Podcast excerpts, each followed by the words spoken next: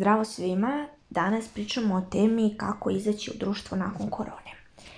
Ovu temu planiram još od kako sam pokrenula podcast, to mi je bila prva tema na listi za snimanje, ali jako je kompleksna i dosta ima toga da se kaže i nikako da je snimim i odlučila sam da se baš ove nedelje bavim tom temom jer ipak popustili su sve mere, Mislim da je krajnje vrijeme da se snimi ova tema jer kasnije će biti i kasno.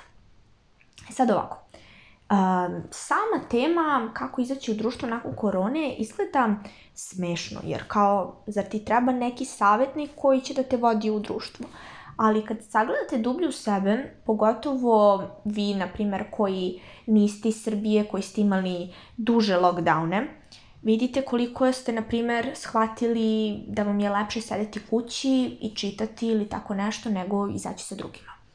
I zbog toga je jako teško da se vratite onom vašem starom životu i uopšteno kad pomislite na stari život, to vam je nešto kao da se to desilo pre dva veka, a ne kao pre godinu i po dana. Kao da ova situacija traje već dugo vremena. Ja, na primjer, imam ponekad utisak kao da ova situacija traje godinama, a nekad imam utisak kao da je prošlo samo tri meseca. Znači, ja sam totalno navikla da živim ovako pod ovim uslovima, pod ovim ograničenjima to mi je postao normalan stil života. I sada kada trebam da radim neke stvari koje sam, na primjer, radila ranije ili, na primjer, koji su drugi ljudi radili ranije, ali ja nisam, meni je to nekako baš čudno i nikako ne mogu da se povežem. I ja sada vas vodim kroz neke moje trikove koje meni pomažu da se ne izolujem, već da se vratim prijateljima, druženjima, izlascima i tako dalje. Prvo o čemu ćemo da pričamo jeste da razmislite o svojim potrebama. Razmislite o tome gdje gde želite da idete, sa kim želite da idete. primjer, ne morate poštovati striktno to, naprimjer, evo sad otvorili su se klubovi, moram ići tamo poznata pevačica dolazi u obližnji klub blizu mene, moram otići.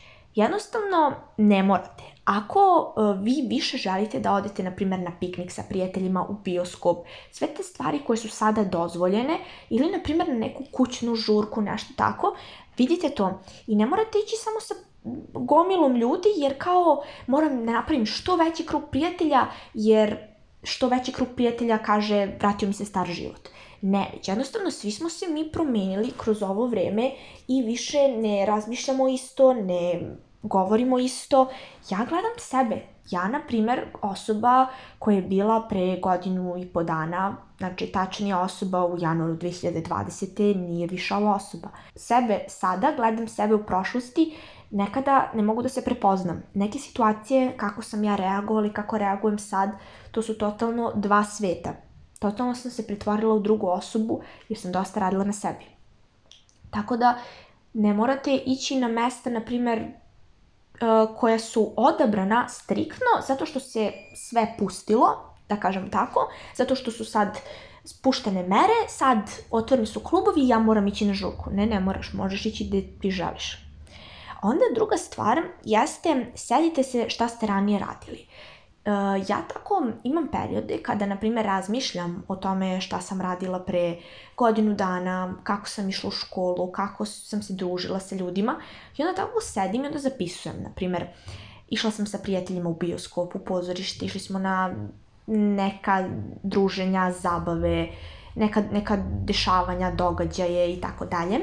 I onda, na primjer, sve to zapisujem i onda kada sad, na primjer, planiram nešto sa prijateljima, onda gledam, u, ovo bi bilo super da uradimo, ovo smo radili, možemo da ponovimo, pa kao da stavimo pre i posle korone, nešto tako. Ili, na primjer, pripremam neke nove stvari, jer postoje stvari koje ja, na primjer, nisam radila pre godinu dana, koje mi, na primjer, tada nisu bile interesantne ili jednostavno iz nekog drugog razloga ih nisam radila, a sada su mi super interesantni, sada želim da je uradim. Eto, jednostavno, e, sedite se, gledajte stare albume, pričajte sa prijateljima, pozovite stare prijatelje sa kojima ste se družili, na primjer, naravno, ne prijatelje koje ste izostavili iz svog života zbog toksičnog efekta, već prijatelje sa kojima ste odaljali kontakt, na primjer, kada koristim reč prijatelji, to se podrazumeva na do pet osoba koje su vama najbliži. Jer ja tako gledam, znači prijatelji su mi pet najbližih, znači do pet najbližih ljudi. Onda drugovi su oni koji, sa kojima mogu da odem na kafu tačnije. Znači, možemo da sedimo na kafi, da pričamo i tako dalje, a poznanici su svi oni sa kojima mogu da se sretnem, da pričamo ćao, ćao i tako dalje. Ili, na primjer, nešto sličnije. Tako da, eto, to je ograničenje moje, šta kad kažem prijatelji, drugovi i tako dalje.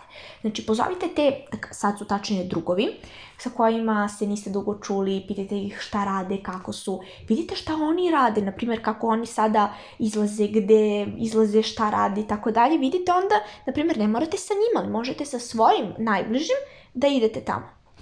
I zadnja stvar o kojoj ću da pričam kako prebroditi taj ceo začarani krug samoizolacije e, jeste taj da u sebi nađete razlog zašto treba da se družite. Jer jednostavno e, mi smo takvi ljudi da mogu drugi da nas teraju na neke stvari koliko god hoće, ali ako mi sami sebe ne nateramo, toga nema ništa. To znate sami, verovatno i škole, kada su vas roditelji terali da učite. Uči, uči, uči, zagrej stolicu, to je super za tebe. Ali ti nikako, zato što te drugi teraju i onda im se suprostavljaš. A setite se kad ste sami sebi rekli, imam da učim, to je to, i onda jednostavno uradite to. Zato, na primjer, nemojte sada samo slušati okolne ljude koji kažu druži se, druži se, druži se, druži se. Jednostavno, nađite u sebi razlog zašto biste vi žali da se družite. Zamislite koliko tamo ima divnih ljudi, jer ipak mi smo ljudi napravljeni za to da komuniciramo, da se družimo. Sam čovek je jako ekstrovertno biće. U fiziologiji i anatomiji čoveka jeste taj da smo mi ekstroverti. I sad jednostavno Eh, razmislite o tome šta se tamo ima na polju, šta je sve super kakve sve e, ideje možete podeliti, šta ste, na primjer, šta ste sve naučili u ovom periodu koje možete podeliti sa drugim ljudima, kakva sve razmišljanja drugih ljudi možete čuti i doprinati vašem životu, kako se možete zabaviti i sve to. Jednostavno, ja sama jako volim da sedim kući i da čitam knjigu, film ili tako nešto, na primjer snimam podcast ili ih slušam i tako dalje, ali onda jednostavno taj period mi se dopada ali dugoročne staze mi nekako neštim jer ja sam po prirodi jako veliki ekstrovert i zaista meni je ova situacija na početku jako teško pala, jer sam, na primjer, izgubila jako puno ljudi, ali onda kažem, ti ljudi da su trebali, ostali bi su u mom životu, ne bi otišli, ali dobro, nećemo sad o toj temi, o tome ćemo pričati drugi put, već jednostavno, jako mi je teško bilo da se fokusiram samo na sebe, na vrijeme sa sobom. Ja sam naravno i prije provodila jako puno vremena sa sobom i volila sam svoj mir dok ustanem, kada legnem. Znači ja dnevno provedem po sat, dva samo sa sobom. Čak imam i taj period vreme za ništa koje sam sebi uvela, ali o tome ću pričati uskoro. Baš imam jednu super temu gdje ću vam pričati o tom vremenu za ništa. I onda nekako sad sam to vreme proširila na jako puno vremena, da kad imam takvu situaciju da sedim i da gledam u jednu tačku i da jednostavno razmišljam zašto nisam otišla, ma ne ide mi se, ali mi se opet ide i onda tako ne znam. I onda jednostavno kažem sebi, ajde, idi, idi druži se, pričaj sa drugaricama, podeli svoje razmišljanja, slušaj nešto od njih, jer jednostavno nisi ti najpametnija osoba na ovom svijetu ti znaš svašta, ali ako čuješ još različita mišljenja drugih ljudi, bit ćeš još pametnija to je jednostavno, to je neki moj razlog. Vi u sebi nađite zašto želite se družiti. Da li vam je bolja zabava u više, uh, u većem krugu prijatelja? Da li vam je ne znam, nešto lepše i tako dalje. Tako da, ovo su moji neki savjeti koje ja primenjujem sada u svom životu jer mi je ovaj karantin dosta doprineo tome da sam počela da se osamljujem i da sam iz ekstroverta prešla u jako velikog introverta što naravno ne želim jer to mi je jedna od značajnih osobina kod sebe, taj ekstrovert koji me zaista vuče i trudim se da zaista se upoznam sa ljudima, volim da znam dosta ljudi, ne volim da imam mali, ne volim da, imam veliki krug prijatelja, ali volim da imam dosta veliki krug poznanika. Tako da, to je sve što imam da vam kažem Slušajte svoj osjećaj, naravno. Vaš osjećaj će vam reći jedan dan ostanite u kući, ok, ostanite taj dan u kući, ali nemojte da to traje predugi period, jer onda ćete se opet navići. Navika je velika suština života i čim nešto radim ja, na primjer, 3 do 4 dana, možda dođe i 5, odmah mi je čudno kad šesti dan ne radim to isto.